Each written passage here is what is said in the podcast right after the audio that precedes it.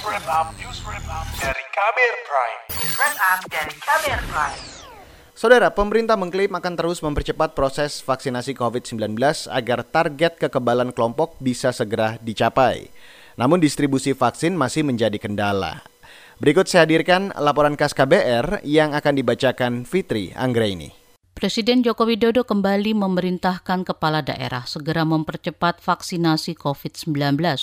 Jokowi meminta stok-stok vaksin yang ada di daerah segera dihabiskan agar semakin banyak warga mendapat perlindungan dari paparan virus corona. Segera habiskan, nanti kita kirim lagi karena ini kita apa uh, akan banyak vaksin yang datang dan saya sudah janji juga dengan Pak Gubernur Sumatera Barat habis kirim habis kirim Udah, semuanya akan seperti itu. Yeah. Dari data Kementerian Kesehatan, hingga 18 Agustus lalu jumlah masyarakat yang sudah divaksinasi lengkap mencapai lebih dari 29 juta orang atau 14 persen dari sasaran vaksinasi. Sementara yang baru mendapat suntikan dosis pertama lebih dari 55 juta orang atau 26 persen dari sasaran vaksinasi. Angka itu masih jauh dari target vaksinasi sebanyak 208 juta hingga akhir tahun ini. Salah satu kendalanya adalah distribusi vaksin.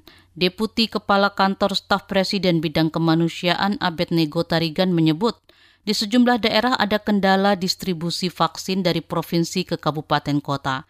Penyebabnya kata dia salah satunya kepentingan politik daerah, namun dia tidak menjelaskan daerah mana saja yang ia maksud. Banyak provinsi yang nggak nyebarin vaksin yang sudah dibagi ke provinsi, ke kabupaten, Mas. Karena perbedaan pandangan politik, Mas.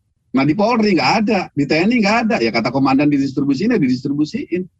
Nah ini yang menurut saya justru dimensi terkait dengan pemerintahan sipil di daerah juga perlu dilakukan pendalaman terkait dengan ini. Soal fragmentasi-fragmentasi politik dan orientasi di lokal juga perlu dilakukan untuk ini. Untuk mengatasi kendala distribusi vaksin karena masalah politik itulah, kata Abed Nego, pemerintah melibatkan TNI Polri dalam kegiatan vaksinasi. Namun pelibatan TNI Polri ini juga diduga mengandung masalah.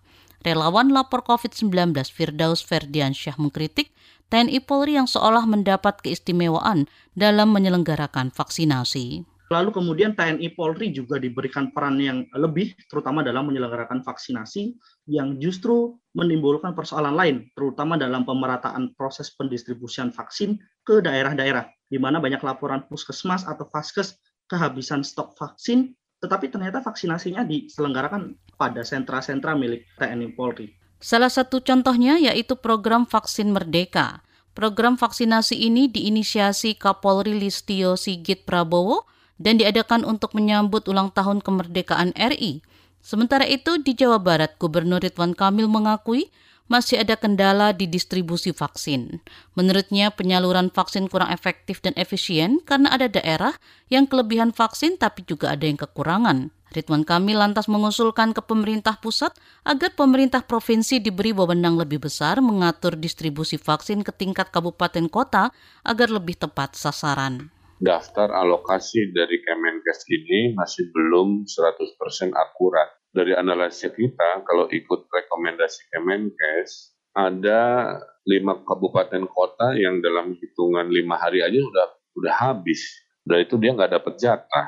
Sementara ada juga yang dikasih menurut teori Kemenkes satu bulan itu belum habis. Gubernur Jawa Barat Ridwan Kamil menambahkan kekurangan vaksin di daerah juga disebabkan tidak seragamnya data kebutuhan jumlah vaksin di daerah dengan di Kementerian Kesehatan. Jika kendala distribusi tidak segera diatasi, Kementerian Kesehatan akan kesulitan mencapai target menyuntik vaksin pertama ke 90 persen warga Indonesia pada akhir tahun ini. Laporan ini disusun Agus Lukman. Saya Fitri Anggreni.